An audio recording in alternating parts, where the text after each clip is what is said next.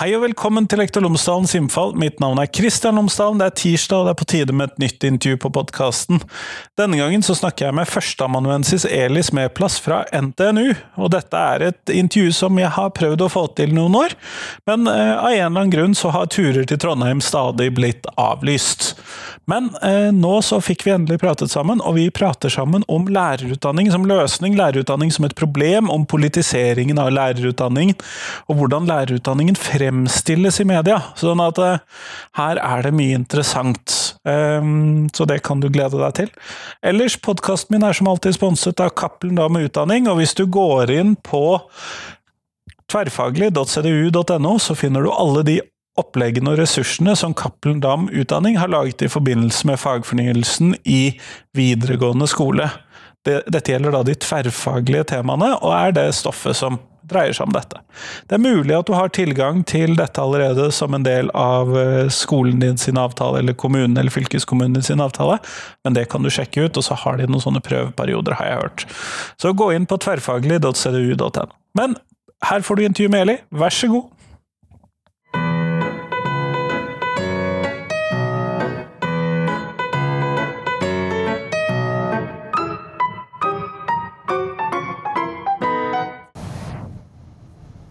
Elis Medplass, tusen takk for at du har tatt deg tid til meg i dag.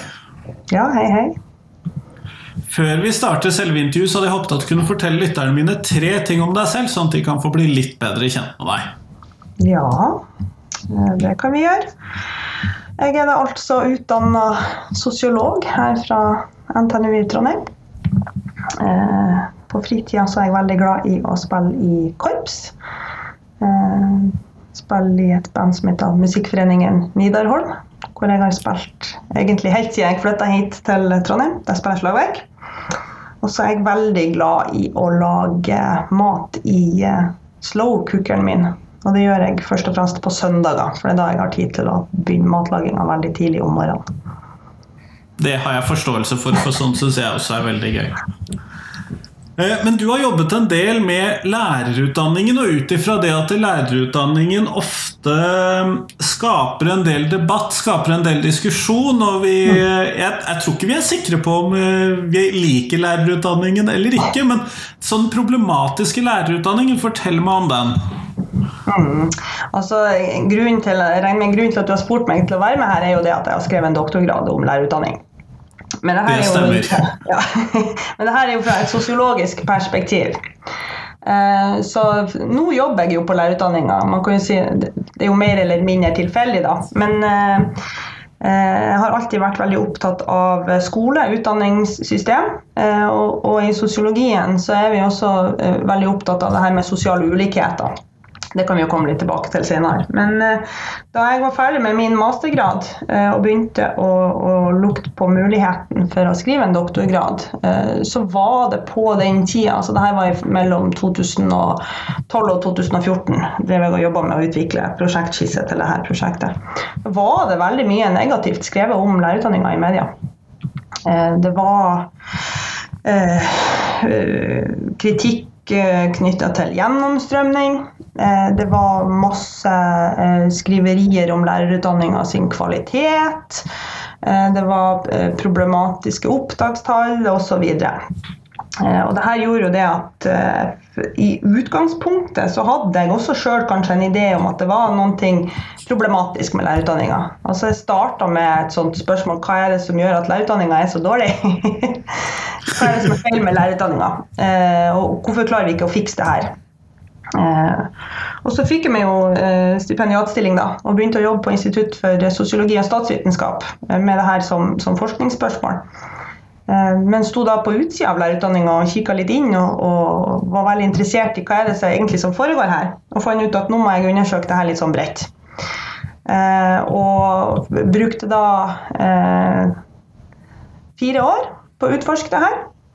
Jeg gjennomførte eh, gruppeintervju med lærerstudenter. Jeg intervjua en rekke ulike aktører, kaller det da, men rett og slett ansatte på lærerutdanninga, og spurte dem om hvordan de på en måte opplevde både kritikken og, og utfordringen som de sto overfor. Og så samla jeg inn eh, spørreskjema fra ei gruppe studenter som jeg fulgte over tid, fra lærerutdanninga ut i arbeidslivet. Eh, og så undersøkte jeg ei til gruppe som hadde fullført lærerutdanninga, men som da valgte å jobbe i andre yrker. Eh, og så eh, skrev jeg doktorgraden min basert på det datamaterialet der, da. Eh, og fant veldig interessante ting og veldig sprikende ting. ikke sant? I tillegg så gjorde jeg jo en del sånn dokumentsøk og dokumentanalyse tilknytta det her avhandlingsarbeidet. da. Eh, som også var en del av det ferdige produktet der. Da. Eh, som jeg har brukt på en måte som et sånn springbrett inn i det her eh, ganske store spørsmålet hva er det som er lærerutdanninga sine problemer. Og siden jeg er sosiolog da, og liker å sammenligne ulike perspektiv, så ser jeg også det at man har forskjellige måter å forstå lærerutdanninga sine problemer på. Og I tillegg så ser jeg jo òg at det er jo veldig mange måter å definere hva er det en god lærer er og skal være, og hvordan kan vi på best mulig måte eh, produsere de her lærerne for skolen. ikke sant? Eh, så eh, hva vi skal si da, Hovedkonklusjonen eh, etter å ha gjort dette arbeidet over flere år, det er jo det at man lasser på veldig mange forventninger til lærerutdanninga, og det er veldig vanskelig å svare på alle de her forventningene på samme tid. Samtidig så, så, er det jo det at når man politisk sett bestemmer seg for, eller har konstruert på en måte ulike problemforståelser av lærerutdanninga, så, så, eh, får de her noen, noen konsekvenser. Eh, Dette gjør jo f.eks. at man kan legitimere en større endring, som vi så da i 2017. Så man, gikk man fra en fireårig bachelorutdanning til en femårig masterutdanning i et forsøk på å heve kvaliteten på lærere og læreryrkets status. da. Vi har på en måte sett en del av de her ideene om at lærerutdanninga er problematisk i en sånn historisk eh, og eh, egentlig organisatorisk kontekst.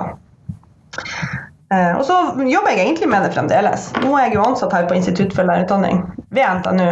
Eh, og har fortsatt eh, det her forskningsprosjektet i den nye stillinga som jeg har nå som førsteamanuensis. Eh, og, og syns det er veldig spennende på en måte å følge denne utviklinga eh, i lærerutdanninga over tid. Men altså, jo mer jeg forsker på det her, jo mer jeg lærer meg om det her, jo mer komplisert forstår jeg jo at det faktisk er. Eh, I utgangspunktet var jeg jo interessert i grunnskolelærerutdanning. Og så supplerte jeg med informasjon fra eh, lektorutdanningen. For det var nyttig for meg å, å, se på forskjellene mellom de her ulike gruppene. Nå jobber jeg sjøl på yrkesfaglærerutdanninga, og den visste jo ikke jeg eksisterte engang på det her tidspunktet når jeg starta den. Så man kan jo si det at det er eh, det er en veldig nyttig og veldig interessant måte å gå inn og uh, utforske problematiseringer på. Ikke sant? Eh, og med det her så har jeg med meg en sånn sosiologisk grunnantagelse at selv om noen ting blir framstilt som et problem, så trenger det ikke nødvendigvis å være det for alle. Blant annet så var det jo et stort, eh, et stort spørsmål da jeg starta. Altså hvorfor er det så mange som velger å slutte i yrket? Eh, og det her er jo et samfunnsøkonomisk problem. Fordi det norske samfunnet... Ja, for vi bruker jo masse penger på de. Ja, vi gjør det. Det er veldig dyrt å, å produsere masse lærere som ikke jobber i skolen. Eh, samtidig så er det jo ikke sånn at de her eh, kandidatene er arbeidsløse. Altså det, ser vi på, det ser vi på arbeidsledighetsstatistikken, i hvert fall før korona. da. Nå har ikke jeg sjekka de siste oppdaterte tallene, hvordan det ser ut etter. Eh, og nå er jo arbeidsledigheten eh, veldig masse uklarheter knytta til de tallene. da. Men lærere generelt er ansatt, og de finner seg andre jobber. Og jeg konkluderte med at mange av dem gjør det også, eh, ikke bare på tross av at de er lærere, men kanskje i kraft av at de er lærere. De bruker læreridentiteten sin ganske aktivt. Eh, og, og eh, i jobbene som de har, så blir det satt pris på at de har med seg en del sånne kvaliteter som de da sjøl knytter opp mot det her å være lærer, og være lærerutdanna. Så egentlig så kan man snu en del ut av de her antagelsene om at lærerutdanninga er ikke full for samfunnsoppdraget sånn litt på hodet.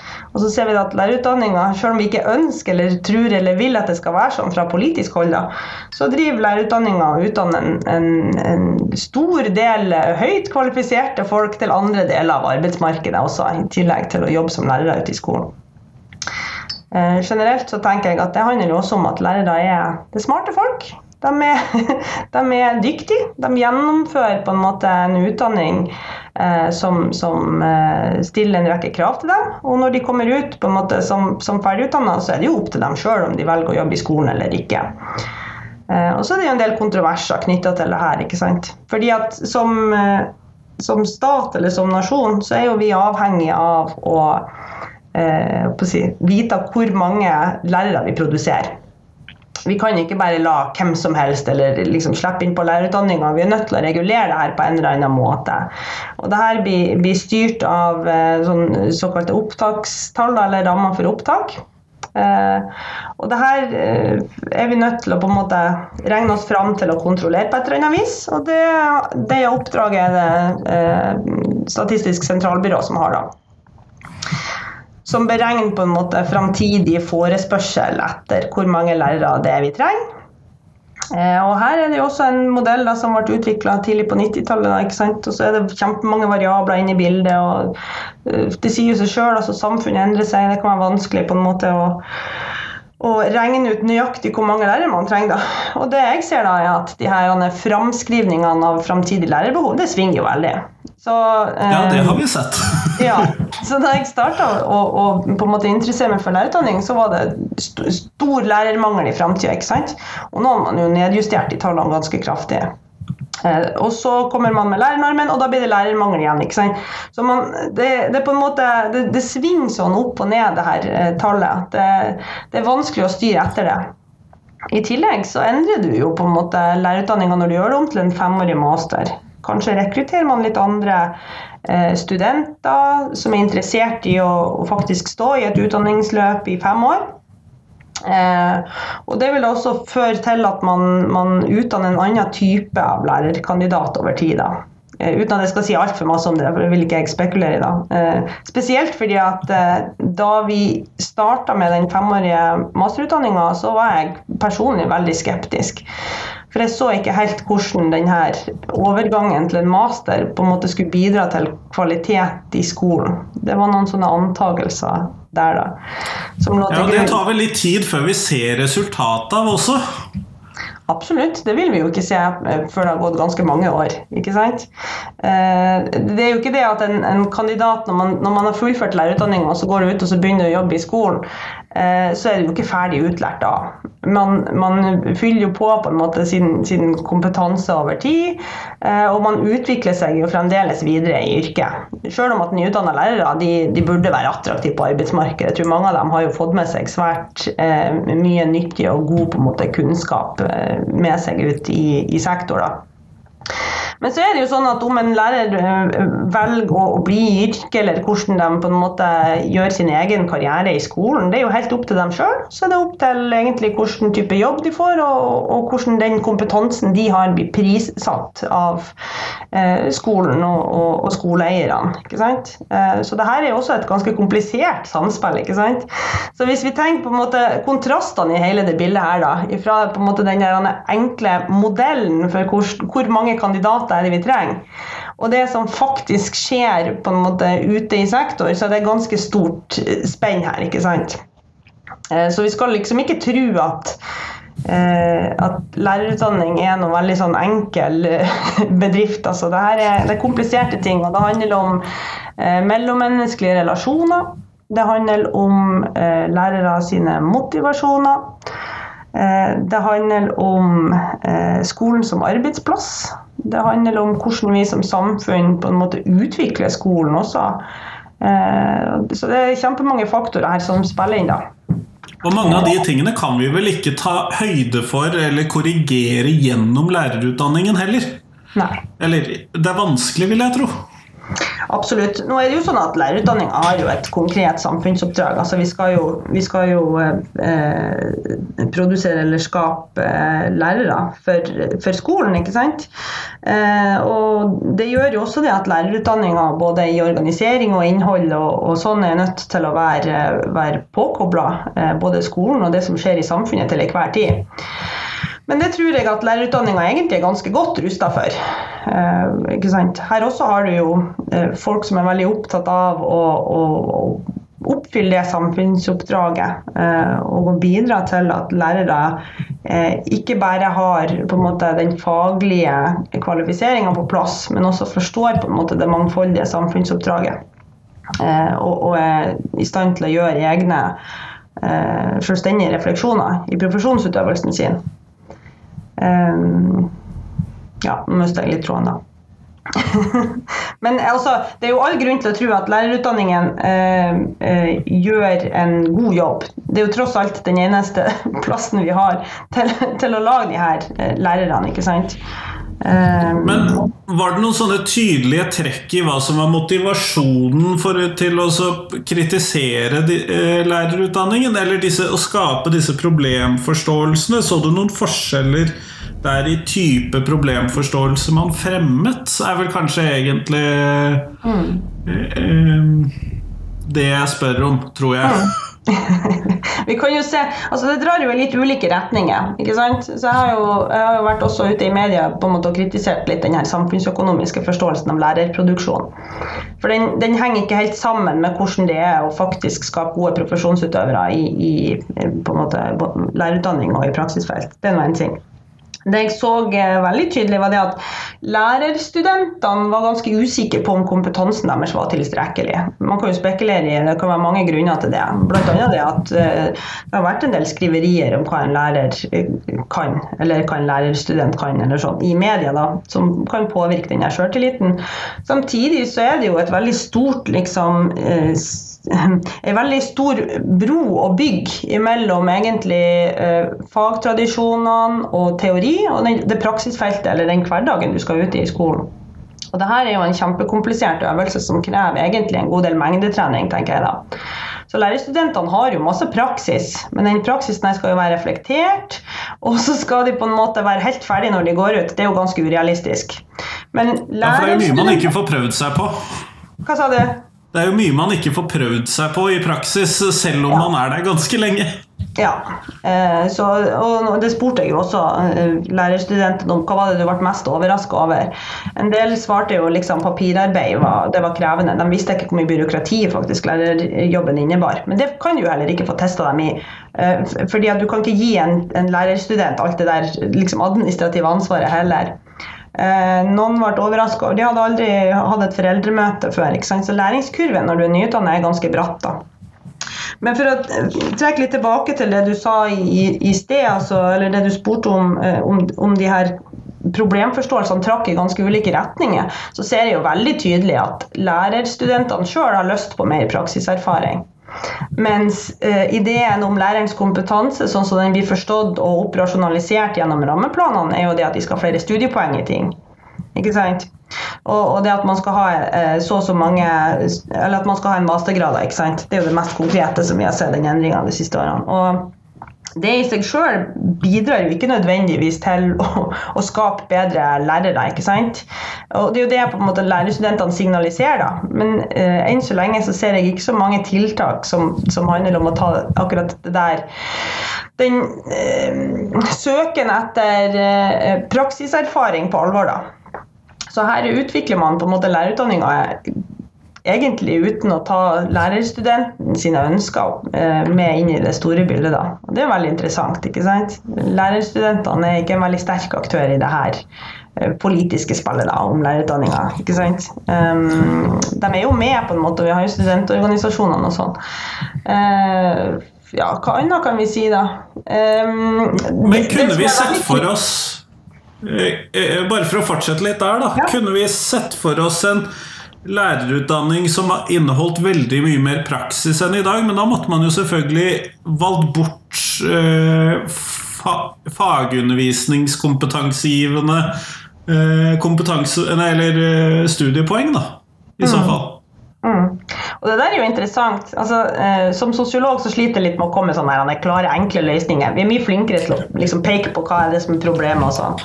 Eh, men jeg har faktisk, og det er jo helt, helt ferske eh, tall som jeg ikke har publisert noen ting på ennå, da. Men eh, hvert år så samler jeg inn spørreskjema fra nyutdanna lærere. Og jeg har oppdaga at om, omtrent halvparten av dem skriver til meg at de har jobba som lærere i skolen ved siden av. Altså, Dette er en helt tydelig egen læringsstrategi som lærerstudentene har som, som, altså det er en ganske etablert praksis, vil jeg si da, eh, hvor lærerstudenten går utafor den offisielle lærertreninga, så de får tilbud her på, eh, under de ulike kursene sine, og så oppsøker de praksisfeltet sjøl. Det tyder jo også på det at de opplever at det er veldig mye nyttig trening som kan skje kanskje når de jobber som lærere i skolen, på en litt uformell læringsarena. Men det her kan jo selvfølgelig ikke lærerutdanninga gjøre, altså sende dem ut på masse mengdetrening. ikke sant? Men her har jo lærerstudentene sjøl laga en ganske god løsning. ikke sant? Eh, men det som kan være lurt da, når, når vi oppdager sånne ting, at veldig mange lærerstudenter er ute i skolen, da, det er på en måte å finne ut av hvordan kan vi eh, møte behovet i større grad her. Altså Hvordan kan vi, hvordan kan vi sikre at eh, lærerstudentene opplever at de får på en måte mengdetreninger som de trenger, eller og kanskje må vi senke forvent forventningene. ikke sant? Både, både rektorer og, og nyutdanna lærere har en forventning om at de skal være ferdig utlært når de går ut av lærerutdanninga.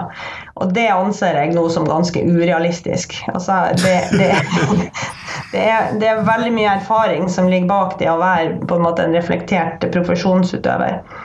Og Et annet liksom, viktig og sentralt aspekt for å utvikle seg som lærer, det er jo nettopp å ha de her relasjonene til elevene sine. Og det kan være veldig vanskelig å få prøvd seg på i tilstrekkelig grad mens du er ute i praksis. Um, for å kunne på en måte virkelig kjenne på det ansvaret med å være noen sin lærer, eller det å være en kontaktlærer, så trenger du også å bruke mye tid sammen med elevene dine. Eh, og denne, denne på en måte relasjonelle kompetansen det er også noen ting som du skal bygge over tid eh, i praksisfeltet. Så man har jo eh, lenge snakka om et slags på en måte praksissjokk. Og det er jo i og for seg en grei, men litt sånn generell beskrivelse på at man ikke har eh, eh, kanskje fått med seg det man trenger ute i praksisfeltet. eller noe sånt. Da. Men det blir også en type diagnose ikke sant? som man setter på liksom, de nyutdanna. Noen ting som ikke fungerer. Det er også en, en problemkonstruksjon, om du vil. da. Eh, men det å, det å, på en måte oppdage nye ting når du begynner å jobbe som lærer, det tror jeg er helt grunnleggende. Hvis du ikke oppdager noen nye ting, og hvis ingenting er overraskende for deg, så er du heller ikke i på en måte den her utviklingsmodusen som du kanskje trenger å være. Da. Eh, da mistenker jeg at du er blind for et eller annet. Hva sa du nå? Jeg mistenker at du er blind for et eller annet hvis ikke du oppdager nye ting idet du kommer ut som lærer og skal begynne å jobbe ordentlig som lærer. ja, og det, det, liksom, det, er det, det, er jo det vi kan bli bedre på nå, vi som jobber med lærerutdanning. Det er å signalisere det her til studentene at de ikke skal forvente seg sjøl å være ferdige. Også det at de skal kanskje stille noen krav til, til sine arbeidsgivere og si jeg må ha en mentor, jeg må ha litt hjelp og veiledning når jeg er ny. Også det at man rigger gode strukturer ute i skolen for å ta vare på de nyutdanna lærerne. ikke sant? Sånn at den overgangen skal bli eh, så, så, grei som mulig. For det er tross alt veldig mye læring som skal skje også etter at du er ferdig utdanna. Men gjelder jo i mange yrker, ikke sant. Men i lærerutdanninga så har det her blitt til et stort problem, ikke sant. Eller blitt konstruert som et problem. Og det er rett og slett fordi man har tenkt seg at Lærerutdanning er en veldig konkret og veldig synlig måte å jobbe med kvalitet i skole på. Så enkelt er det. Altså, vi vil gjerne at norsk eh, skole skal holde så høy kvalitet som overhodet mulig. Dette er jo veldig komplisert. Det kan være vanskelig på en måte å styre fra politisk hold også. Har, eh, det, det, er ganske kompliserende at du har på en måte kommuner og fylkeskommuner også som et sånt mellomledd som har mye ansvar for, for, kvalitet og organisering av skolen sin lokalt. Så det kan være, det kan være vanskelig å få tydelige resultater ut ifra en, en eh, et, et tiltak eller en liksom, skolepolitisk satsing. Men det å endre på en måte innholdet i lærerutdanninga, det er jo veldig synlig og det er jo veldig konkret. Og det ser jeg jo på en måte har slått ut i lærerutdanninga gang på gang. ikke sant? At nå, nå endrer vi lærerutdanninga, nå skal alt bli bra, nå får lærerne mer kompetanse. Og så må jeg si jeg er veldig skeptisk til en del av den her rasjonaliteten eller retorikken som ligger bak. da, At elevene skal lære mer. Det syns jeg òg er litt problematisk. ikke sant? Eh, hva ligger i det at elevene skal lære mer. Mer av hva? På hvilken måte? Eh, og så har man en del sånne ja, Nå skal ikke jeg si så kjempemasse om, om det her med, med eh, overflatelæring og dybdelæring, da. Men det er jo all grunn til å tro at det er veldig mange ting som er veldig bra med norsk skole eh, i dag. Sjøl om vi på en måte ser at vi kanskje scorer sånn middelmådig ikke sant, på internasjonale tester. og sånt. Så det er all grunn til å tro at vi ruster på en måte befolkninga på en god måte for å ta del i arbeidslivet og, og, og for å være på en måte aktive medborgere. Da. Så hvis vi legger inn det som et kriterium, så tenker jeg at der har vi jo både der har vi jo historisk sett hatt både veldig god lærerstand og hatt god kvalitet på norsk skole. Så det kommer helt an på hvilken liksom, indikatorer eller kvalitetsmål der vi skal eh, vurdere oss sjøl etter. da. Eh, så spørsmålet hvordan kan man måle det her? Eh, det er vanskelig. Det, det, er veldig vanskelig å, å, å på en måte måle eh, f.eks. Eh, inkludering. ikke sant? Lærerens egenskaper til å inkludere elevene i klasserommet. Hvordan skal du måle det her? Det er også noen sånn grunnleggende verdier som man må ha med seg ut i, i eh, skolen som profesjonell lærer. ikke sant? Uh, og, ja, og så er det jo sånn at eh, selv om vi forandrer på lærerutdanningen i dag, og så sender vi disse lærerne igjennom, og så er de klare da om fem år, mm. eller syv, pluss minus noen graviditeter og sånn, ja. og så uh, sender vi de ut i skolen, så er det jo like fullt da si 99 eller 95 eller 90% lærere med gammel lærerutdanning ut i skolen. Ja. Og så har du da bare plusset på 1-10% med nye lærere som kommer med den nye eh, strålende kunnskapen som man da har ønsket å få inn i skolen. Sånn at det, det mm. blir jo skrekkelig vanskelig å måle dette her. Ja, absolutt. Og Av og til så virker det ikke som man er så veldig opptatt egentlig av kvalitet. Er, man er mer opptatt av å vise at man har gjort noen ting. Og der har jeg en høne å plukke med. altså Mye politiske satsinger som er gjort altså, de siste årene. Samtidig, nå er jo lærerutdanninga blitt femårig master. Det er uh, irreversibelt. Altså, det, det, har jo ingen hensikt. på en måte. Det er ikke noe man går tilbake på det, vil jeg nei, tro. Nei. Um, og så har jo jeg veldig stor tiltro da, til at det her kan bli veldig bra.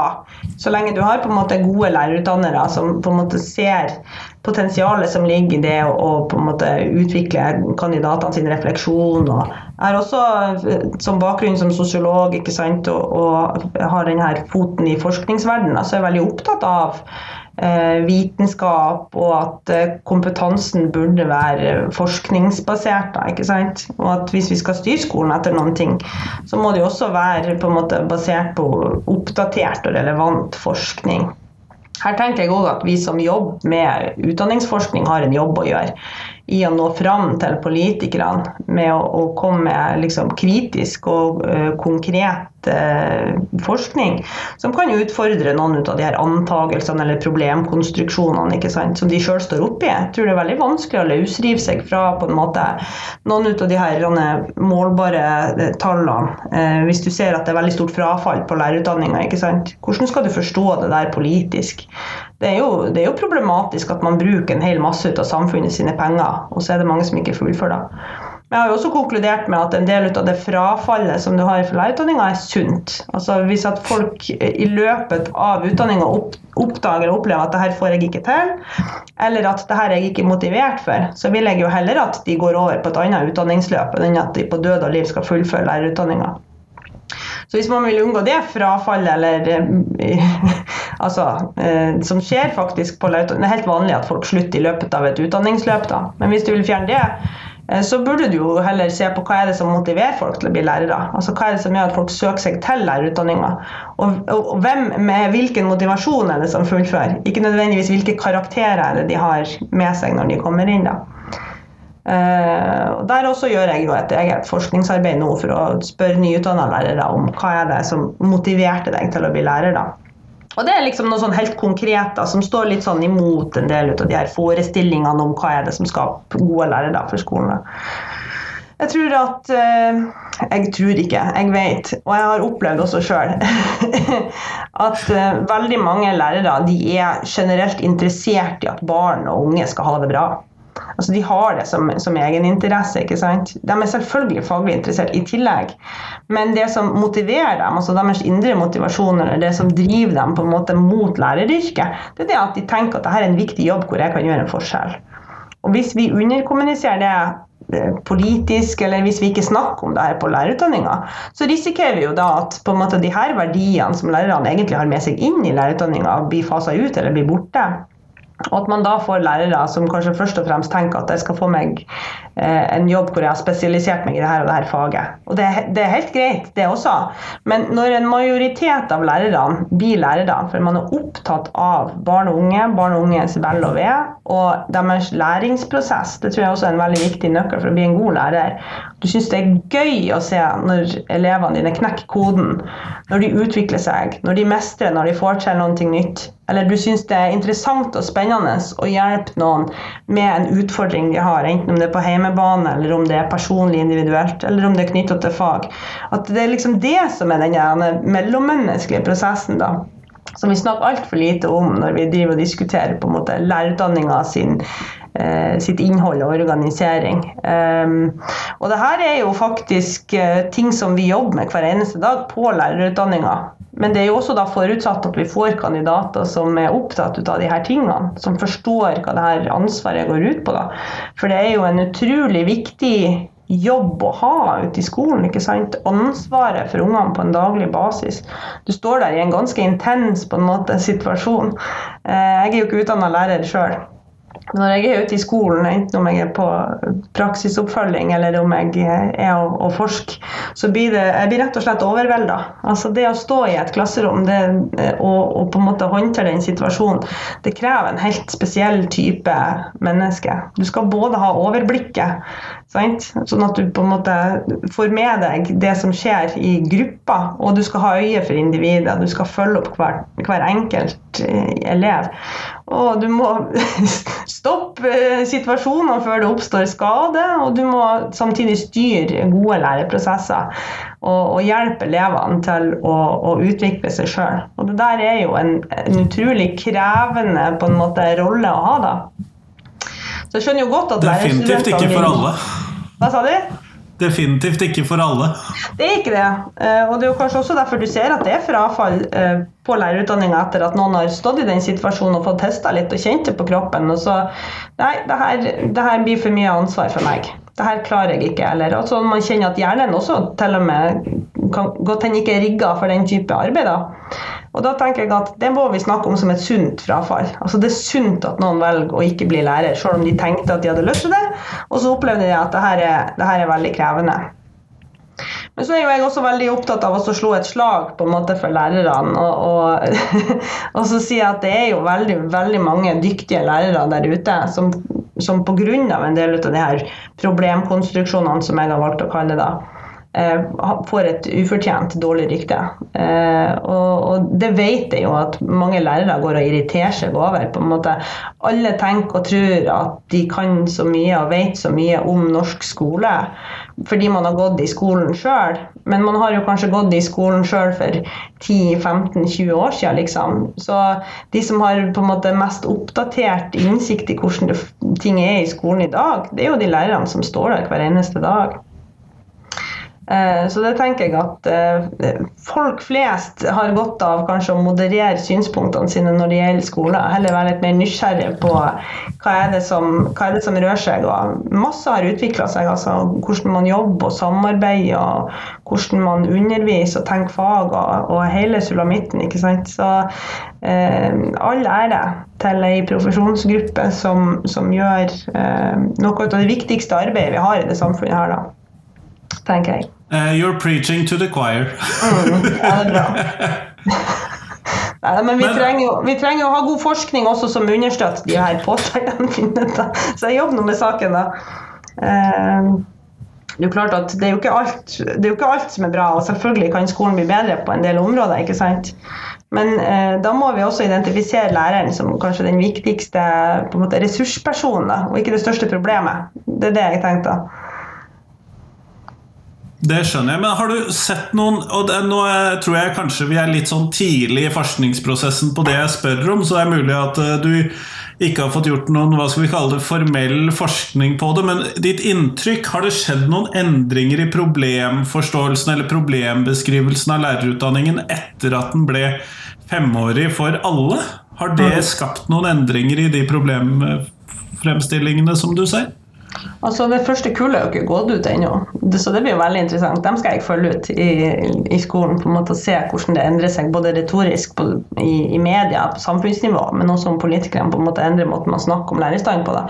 Og så tror jeg vi må ha litt is i magen og se litt grann hva som skjer. ikke sant? Eh, samtidig så om det blir en endring i problemkonstruksjonene, så Og det er jo fint at de her eh, nyutdanna lærerne har en mastergrad, altså.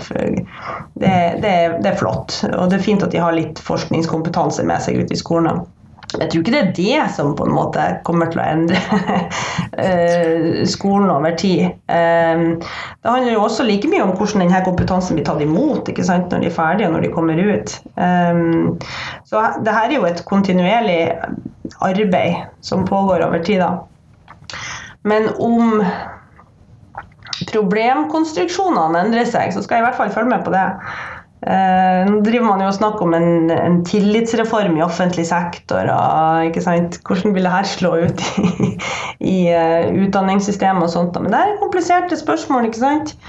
Um, vi er jo alle sammen egentlig interessert i at skolen skal være så god som mulig. Men skolen trenger ikke å være god bare for at den er effektiv i hvor mye informasjon den trykker inn i ungene våre. Den kan jo være god også fordi at det er en god arena å vokse opp på. Uh, og at vi, har, vi sikrer på en måte at den oppvoksende generasjonen blir trygg på seg sjøl, og at de har, eh, de har, de redskapene de trenger da, for å utvikle seg også videre i livet. Uh, så her ja. Det står jo masse fint på en måte i fagfornyelsen bl.a. Eh, om, om framtidens samfunn og framtidens skole og hvordan det her skal se ut. da. Eh, og så tror jeg vi skal ta det der med en, en, en klype salt. Altså, Eh, det er veldig mye arbeid som gjøres i skolen i dag allerede. Så håper jeg kanskje at retorikken rundt det her, eh, den problematiske lærerutdanninga, sånn at det kan endre seg over tid. Eh, og kanskje er jo denne overgangen til en masterutdanning noen ting som kan bidra til det. ikke sant? At, at lærerne, uavhengig av på en måte uh, den statusen som de blir tilgitt av andre eller av samfunnet. At de også føler uh, at vi er, vi er bra. Dette er vår profesjon, og vi er dyktige på det vi kan. da. Eh, Kjempeflott, Eli. Ja. Vi går mot slutten av podkastintervjuet. Ja, fint. Du skal redigere da... etterpå, ikke sant? Lite grann. Ja, takk skal du ha. Men eh, før vi eh, avslutter helt, så skal jeg jo stille deg det spørsmålet jeg stiller til alle de jeg intervjuer. Og ja. det er hva er de tre viktigste tingene som skolen lærer elevene? Bra spørsmål. Vanskelig å svare på. Absolutt. Det er meningen. jo da. Um, men for meg i hvert fall, det må jeg jo si at det her handler om eh, ikke bare hva skolen skal gjøre, men også hvordan jeg tenker skolen har vært, og hvordan skolen er. Uh, og hva som er viktig med måte, skolen i Norge som en del av en, en velferdsstat. Så en av de viktigste tingene tenker jeg, det er det å lære å lære. Å lære å tilegne seg egen kunnskap på egen hånd. Eh, og, det å, å, å, sette pris på kunnskap og være nysgjerrig. Eh, og å kunne jobbe med ting over tid gradvis for å, for å, bygge opp sin egen kompetanse. Det tenker jeg er veldig viktig. Eh, og det er jo egentlig det vi starter med i første klasse, å lære barn og unge å lære seg sjøl. Det andre er jo det her med å ha tro på seg sjøl, at man kan utvikle seg. Eh, og at det, det, er like så viktig det at du på en måte at du tør å ta noen sjanser, eller at du på en måte mestrer omgivelsene dine. Det er veldig viktig.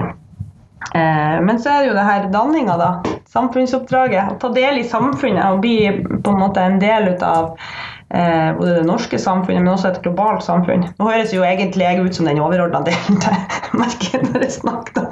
Eh, men at, eh, at vi, vi må ruste eh, barn og unge til å bli aktive og bevisste samfunnsborgere. Og det er en av de viktigste funksjonene som, som skolen har. ikke sant? Vi har en stor offentlig eh, skole i Norge som de, de, fleste faktisk eh, går igjennom. altså. Jeg tror vi har eh, mellom 94 og 96 av barn og unge i dag går gjennom norsk offentlig skole. Det ser annerledes ut i andre land, hvor de har private skoler og flere sånne ordninger. Da. Og Det betyr jo også det at eh, skolen er den viktigste på en måte, arenaen i, i oppveksten til eh, befolkninga vår. Og Det betyr også det at da må vi sørge for at dette er en arena hvor man lærer seg å ta del i samfunnet. Kjempeflott. Tusen takk for at du har tatt deg tid til meg i dag, Eli. Jo, bare hyggelig. Det var nå litt morsomt òg.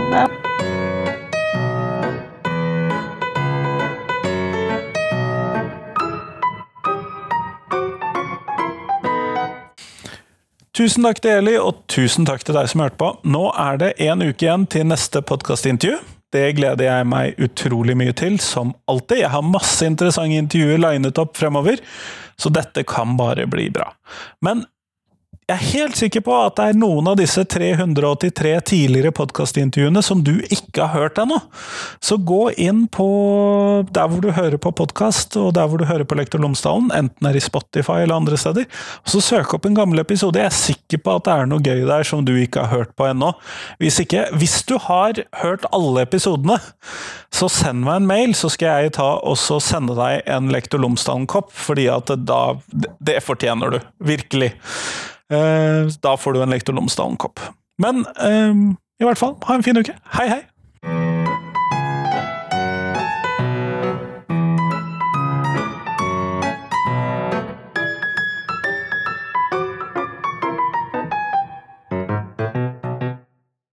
Husk at hver eneste torsdag så kommer jeg ut med et uh, tenketorsdag-bilde, hvor jeg stiller et spørsmål jeg tenker er viktig å reflektere over for norsk skole.